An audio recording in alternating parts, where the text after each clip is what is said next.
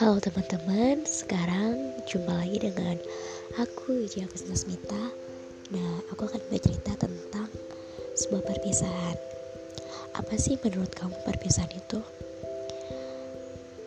Perpisahan itu menurut kamu apa?